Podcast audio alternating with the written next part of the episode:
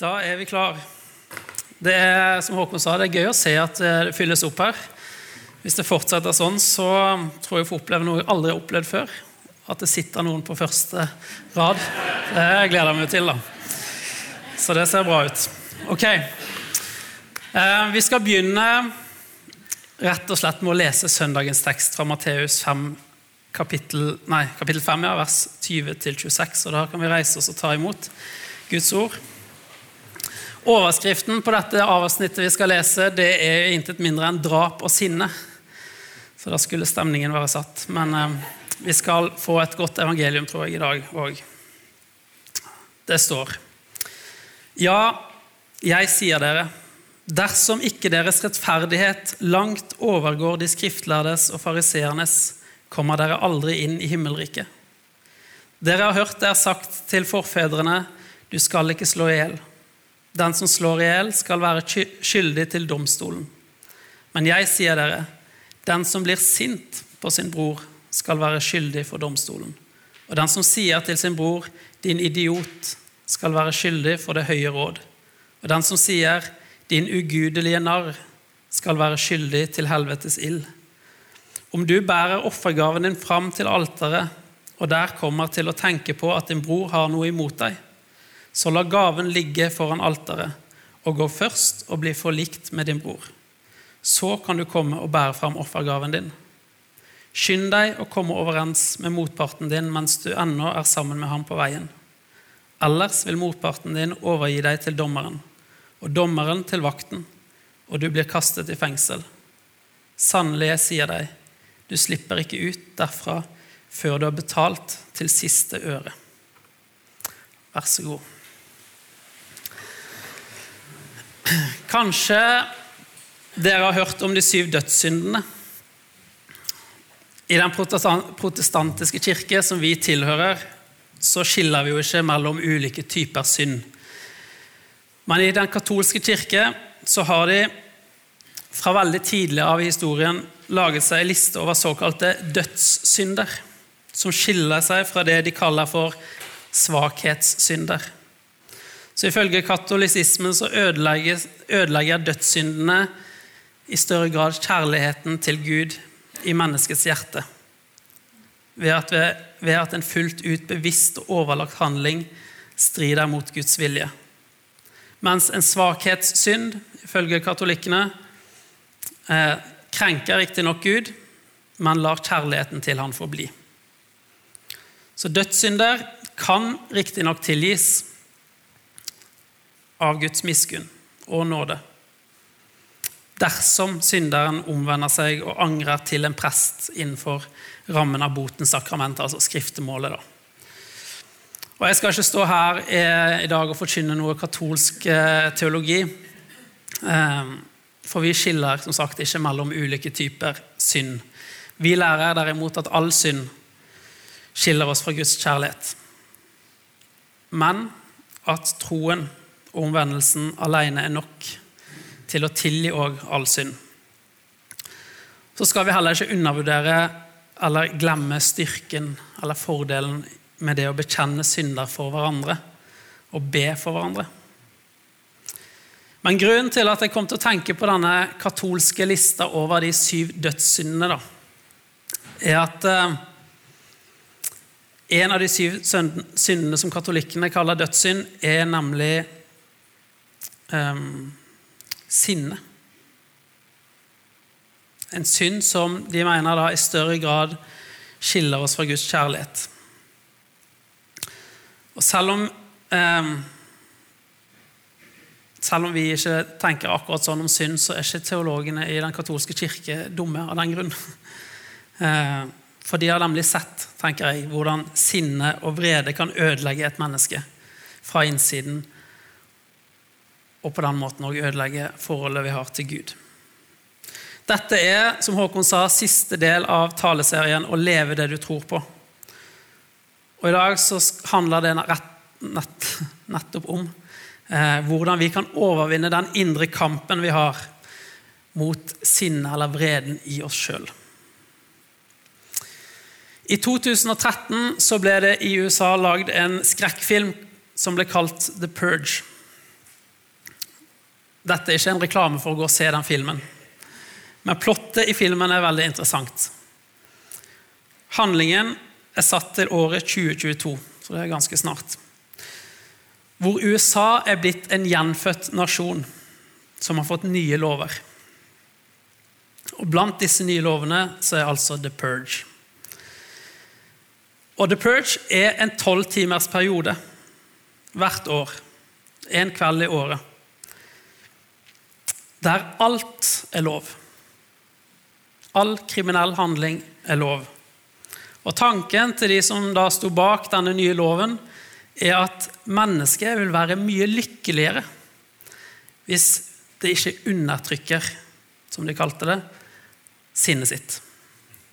Men i stedet uttrykker det fullt ut denne ene kvelden i året.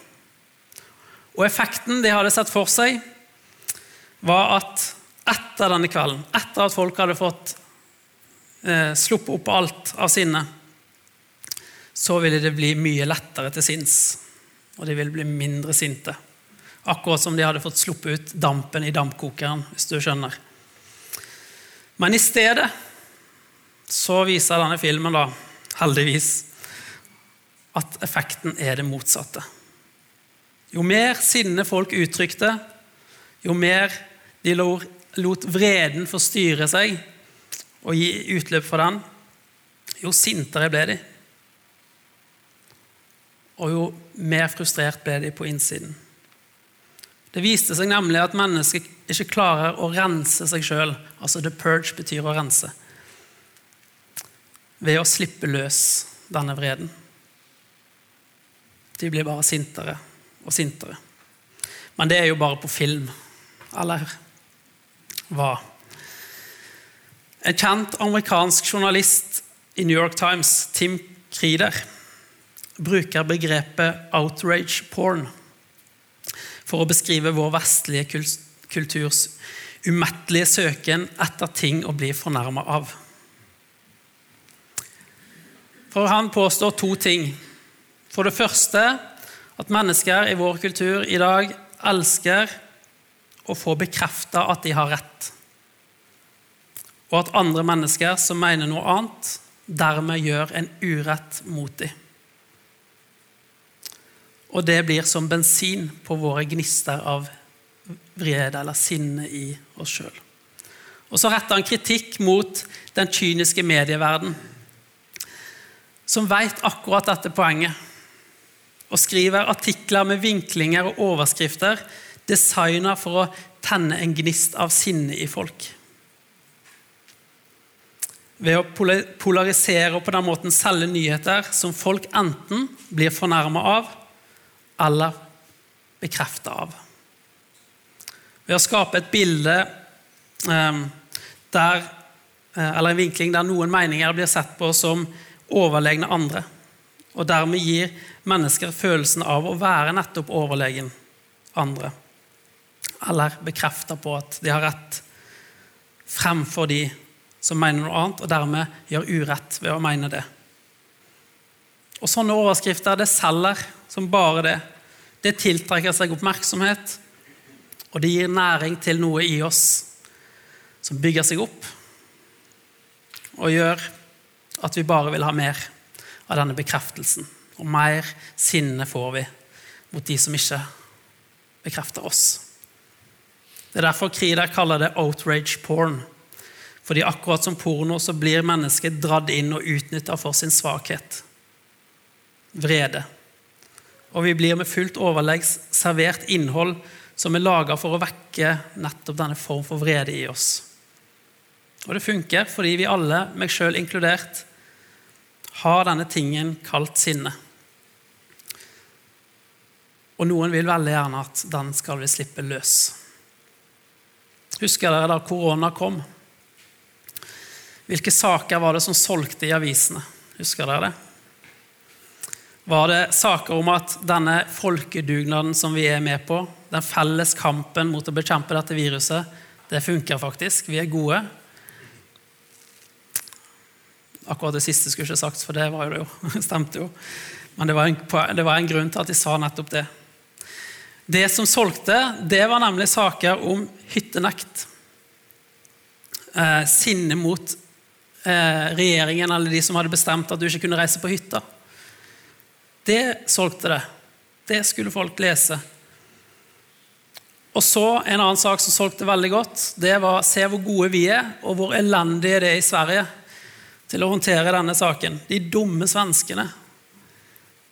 Ser dere poenget? Det selger, og det skaper noe i oss. Vreden ødelegger ikke bare andre, men det ødelegger oss på innsiden. Så hvordan kan vi da overvinne denne vreden, det sinnet som stadig bygger seg opp i oss? Jo, Bibelen sier ved å erstatte dette sinnet med tilgivelse. Da kan vi overvinne det. Og Før jeg går videre, så vil jeg bare si to ting. For det første det fins òg ting som vi skal bli sint for. Det er noe som jeg liker å kalle for hellig vrede eller rettferdig sinne. Jesus ble også sint to ganger i Bibelen. Men sinne ble likevel aldri et karaktertrekk på Jesus. Vi sier at Jesus er ydmyk, sier at han er omsorgsfull, at han er kjærlig, og han er respektfull blant mye annet, men aldri sint. Så hvis du tenker at ditt sinne er hellig, og det kan godt være det er det, så kan du godt ta, et steg tilbake og, ta, og, sjekke om dette sinnet du bærer på, er noe som definerer deg. Vil noen kalle deg for han der er sinte? Og så kan du spørre deg sjøl er det du er sint for, òg noe Gud er sint for. Hvis du skjønner hva jeg mener. Gud er ikke sint fordi om du ikke får bygge en vei eller reise på hytta. Men Gud blir f.eks. sint om noen av hans barn, om mennesker blir utnytta eller mishandla. Da skal vi bli sinte. Og det er ikke synd. Det andre jeg vil bare si, er at jeg skal snakke om dette med å tilgi. Og Da er det viktig å vite at jeg mener at det er en forskjell mellom det å tilgi og det å gjenopprette. Noen har opplevd ting som virkelig har gitt deg dype sår. Sår som ikke er lett å bli kvitt. Og jeg vil ikke at du skal høre meg si at tilgivelse og gjenopprettelse er en og samme ting. Med det så mener jeg at det å tilgi noen ikke er det samme som å si til den personen at alt er greit. Vårt forhold er gjenoppretta. Ting er alltid som før. Alt er glemt. Det er ikke det jeg sier. For i noen tilfeller så er rett og slett ikke det mulig. For det krever anger og rettferdig dom i saken. Noe som du og meg ikke har makt over. Men tilgivelse, det er derimot noe vi er kalt til å gi. Og det er for vår egen skyld. Så vi kan tilgi og vi bør alltid tilgi, fordi Gud har tilgitt oss. Men så er det ikke alltid gjenopprettelsen skjer. I det minste ikke her og nå. Historien i 1. Samuels bok kapittel 18 er en fortelling om hvordan en manns sinne mot en annen ødela han fullstendig. Og hvordan den andres evne til å tilgi var det som redda han fra å bli ødelagt sjøl. Jeg snakker om historien om kong Saul og hans på dette tidspunktet hærfører David. Jeg skal lese litt fra Samuels bok, kapittel 18. Da hæren kom hjem etter at David hadde felt filisteren, kom kvinnene syngende og dansende ut fra alle byene i Israel for å møte kong Saul med trommer, gledesrop og triangelspill. Mens de danset, sang kvinnene. Saul slo tusener, men David slo titusener. Da ble Saul brennende harm. Han mislikte disse ordene og sa, 'De gir David æren for titusener, men meg bare for tusener.' Nå mangler han bare kongsmakten. Fra den dagen så Saul skjevt til David. Så Saul lot altså sinnet han hadde mot David, få vokse fra innsiden. Og det var ikke et hellig sinne. For David hadde ikke gjort Gud noe galt, han hadde ikke gjort Saul noe galt. Men dette handler om Saul sin egen stolthet, sitt eget rykte, og for at David ble hylla, og ikke han. Så står det videre Dagen etter kom det en ond ånd fra Gud over Saul. Han ble helt fra seg inne i huset, og David spilte på harpen, som han gjorde hver dag. Saul hadde et spyd i hånden. Han kastet spydet mot David og tenkte, nå spidder jeg han til veggen. Men David bøyde seg unna for han to ganger. Men sinnet til Saul tok ikke, avtok ikke etter det her. Faktisk så står det om Sauls sinne mot David helt fra kapittel 18 til kapittel 24. I kapittel 23 står det at David har måttet flykte fra Saul ut i ørkenen. Da står det etter dette holdt David til i ørkenen, i fjellborgene. Han slo seg til i fjellet i Siførken, og Saul lette etter han hele tiden. Men Gud lot han ikke falle i hans hender. Tenk deg det, hver dag i flere år, syv kapitler i denne historien, våkner Saul opp fylt av sitt sinne mot David og det tok all tiden hans. Hele tiden drev han og lette etter David, for han klarte ikke å legge fra seg sitt eget sinne. Det hadde overtatt livet hans, rett og slett. Og Så kan man spørre seg hvorfor denne historien om Sauls sinne mot David blir beskrevet i hele syv kapitler. Kunne ikke han bare sagt ja, Saul ble skikkelig sint på David og jakta han i mange år? Nei, det, det, står veldig mye om det, hva som skjedde. Og Jeg vet ikke hvorfor, men kanskje det er for å vise oss hvor mye tid dette faktisk ødela av Sauls liv. For det er nemlig to ting. Et sinne, eller et uhellig sinne, kan stjele fra vår liv. Og det er perspektivet på livet. Og det er freden vår. Saul mista begge deler. Han mista perspektivet. Han kasta bort flere år av sitt liv. Han kasta bort store militære ressurser på å jakte på David. Han lot sinnet styre de beslutningene han tok, som gjorde at det var dårlige beslutninger. Og han glemte det som var hans egentlige oppgave som konge for folket. I stedet for å søke Gud, så var Saul besatt av å finne David. Og det ga han aldri fred. Har du noen gang opplevd det? Å være så sint på noen at du har jakta på dem. Kanskje har du gått på sosiale medier. Du har søkt dem, googla dem, i håp om å finne noe der som kan gi deg en bekreftelse på at jo, det var jeg som hadde rett. Eller i det minste finne at nei, nå går det dårlig med dem. Nå har de det ikke så bra. Det har de fortjent. Har du vært der? men i stedet så finner du det motsatte. At de har mange likes og mange venner. Og det gir bare mer sinne og frustrasjon. Du tenker hvordan kan noen like de? Det er ikke et godt sted å være, er det vel. Du har mista perspektivet på livet. Du har mista freden din. Og du trenger å eller du bruker tiden på å ut, la sinnet få utløp. Da. Forskning viser bl.a. at mennesker som sliter med temperamentet eller er mye sinte, og har vesentlig større sjanse for å utvikle angst. Det viser seg nemlig det at sinne det multipliserer angsten vår. Sinne fjerner freden. Forfatteren Anne Lamotte har sagt det å velge å ikke tilgi noen, det er som å drikke rottegift, for så å vente på at rotta skal dø. I Efeserbrevet skriver Paulus.: Blir dere sinte, så synd ikke. Og la ikke solen gå ned over deres vrede. Gi ikke djevelen rom. Sinne er nemlig noe som virkelig ikke er bra for oss.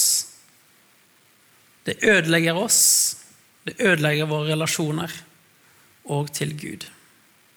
Så det må jo finnes et alternativ. Det må jo finnes en løsning. En måte å takle sinne på. I historien om Saul og David så er det David som finner løsningen. For David han hadde jo egentlig virkelig grunn til å være sint på Saul. Her hadde han vært ute i krigen som hærfører, og han hadde vunnet krigen for kongen sin, Saul. Og takken han fikk, var at han ble fratatt alt han hadde. Han ble jaga rundt på flukt over hele landet i flere år og frykta for sitt liv. Likevel så velger David å tilgi. Men ikke bare tilgir han Saul, han stoler på at det er Gud som skal bringe rettferdig dom over Saul, ikke han sjøl. Han stoler på at det er Gud som skal gjenopprette alt sammen. Så i stedet for å drepe Saul, noe som han plutselig fikk full anledning til Han finner seg i en posisjon i ei grotte sammen med Saul helt alene. Saul vet ikke at han er der engang. Og Istedenfor å drepe han, så tar han bare litt av kappen hans. Ingen hadde klandra David hvis han hadde tatt livet av Saul der og da. I stedet så tilgir han Saul. Og det, nettopp det, er vår måte å leve det vi tror på. Vår måte å overvinne kampen mot det sinnet vi alle har i oss. Så her er to ting, viktige ting å reflektere over når noen vekker et sinne i deg. Det første er første sannheten du kan tenke på når, når du blir skikkelig sint, eller når du blir sint, er at din evige rettferdighet har allerede skjedd. Du er allerede tilgitt. Og for det andre den evige rettferdigheten er noe som skal komme. Altså Din rettferdiggjørelse har allerede skjedd men den evige rettferdigheten er noe som skal komme. Dere skal få et sitat fra Corey Ten Boom opp på veggen. Hun sa nemlig dette. Gud tar våre synder fra fortiden, nåtiden og fremtiden og kaster dem i havet og setter opp et skilt som sier 'fisking ikke tillatt'. Corey Ten Boom var en kristen nederlandsk urmaker, senere forfatter, som sammen med sin far og sin søster hjalp jøder med å flykte fra nazistene under andre verdenskrig. De gjemte de i huset sitt og hjalp de med å komme seg unna nazistene og i frihet, i trygghet. Men så en dag ble de avslørt.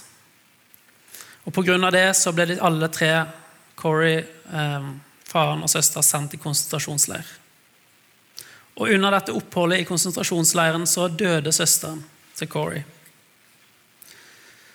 Og Da krigen var over, og Corey Ten Boom og faren ble satt fri, så valgte hun å reise tilbake til Tyskland som misjonær. Hun dro altså rundt i Tyskland og forkynte evangeliet om Jesus. Og En kveld så hadde hun et møte. Og hun underviste om nettopp det sitatet. Gud tar våre synder fra fortiden, nåtiden og fremtiden og kaster dem i havet. Og setter opp et skilt som sier 'fisking ikke tillatt'. Fordi vi er helt og fullt tilgitt i troen på Jesus. Og Denne kvelden og hadde hatt denne undervisningen, så kommer det en mann opp til henne etter møtet. Og Corey kjenner igjen denne mannen. Han var en av vaktene ved konsentrasjonsleiren hun hadde vært fange i. Han kjente riktignok ikke hun igjen. Og Her er det hun skriver, fritt oversatt fra engelsk, om dette møtet der denne vakten kommer og ber om tilgivelse. Han kom mot meg mens han sa, Hvor godt er det ikke å vite at, som, som du sa, alle våre synder ligger på havets bunn. Han kjente meg ikke igjen, men jeg dro kjensel på han. Han sa, Du nevnte Ravensbrück, som var navnet på konsentrasjonsleiren vi var fanger i. Jeg var en vakt der. Men siden den gangen har jeg blitt en kristen. Og jeg vet at Gud har tilgitt meg for de grusomme tingene, tingene jeg gjorde der. Men jeg vil høre det fra deg. Og han strakte ut hånden sin og sa, Vil du tilgi meg? Og Corey skriver videre. Jeg sto der, som en synder som selv hadde fått tilgivelse igjen og igjen. Men jeg klarte ikke å tilgi. Betzy, altså søstera hennes, døde i den konsentrasjonsleiren. Kunne han viske bort hennes sakte og smertefulle død bare ved å be om det? Han sto foran meg. Det føltes som timer i det jeg kjempet med det vanskeligste jeg noen gang har måttet gjøre. For jeg måtte gjøre det. Jeg visste det. Idet jeg sto der, klamret kulden seg rundt hjertet mitt. Men tilgivelse er ikke en følelse. Jeg visste det også. Tilgivelse er en handling av viljen, og viljen kan virke uavhengig av hjertets temperatur. Jesus, hjelp meg, ba jeg stille. Jeg kan løfte hånden. Jeg kan gjøre akkurat så mye, men du må sørge for resten. Så løfter hun Det her er så sterkt. Men så løfter hun eh, hånd mot denne mannen og sa, 'Jeg tilgir deg, min bror, med hele mitt hjerte.' En lang stund sto vi der og holdt hverandres hender. Den tidligere vakten og hans tidligere fange. Så skriver hun, 'Jeg har aldri noen gang i mitt liv kjent Guds kjærlighet så intens som akkurat der og da.' Og likevel innså jeg at det ikke var min kjærlighet.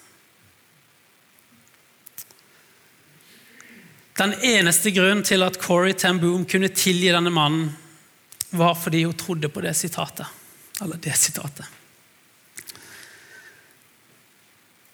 Gud tar våre synder fra fortiden, nåtiden og fremtiden og kaster dem i havet og setter opp et skilt som sier 'fisking ikke tillatt'.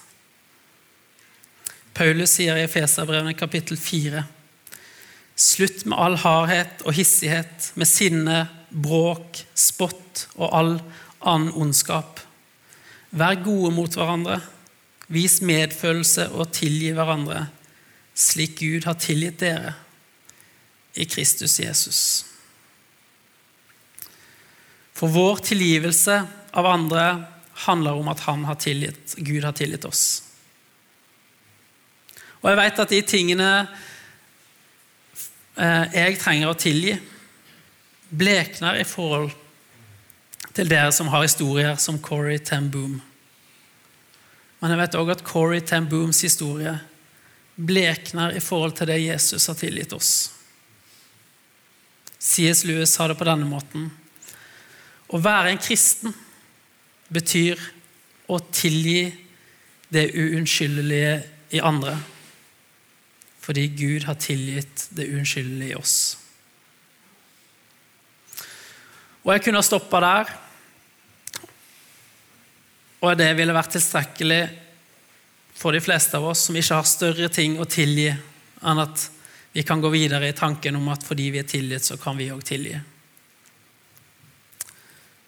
Men for de som ikke er sindige sørlendinger, som tenker at alt er greit, eller kommer fra et nabolag der den største konflikten i livet handler om hekken til naboen, så er det viktig å nevne dette perspektivet med den evige rettferdigheten som skal gjenopprettes i framtiden. I Romerne eh, kapittel 12 skriver Paulus.: Ta ikke hevn, mine kjære, men overlat vreden til Gud. For det står skrevet:" Hevnen hører meg til. jeg skal gjengjelde, sier Herren.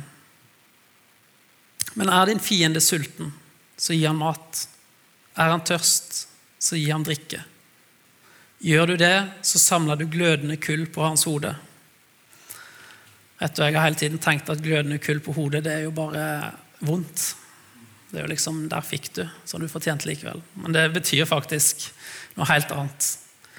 Hvis du ga noen glødende kull, så hjalp du de eh, Da ga du det oppå eh, denne her eh, hatten, eller folk, turban, skal du si, det de hadde på hodet. De samla det i et tørkle, la det på hodet og bar det hjem sånn at de kunne starte sin egen ild hjemme. Det er det du gjør mot fienden som er sulten, når du gir ham mat, eh, som er tørst når du gir ham drikke. Du hjelper ham på veien, og det er det du skal gjøre. La ikke det onde overvinne deg. La ikke sinnet overvinne deg, men overvinn det onde med det gode.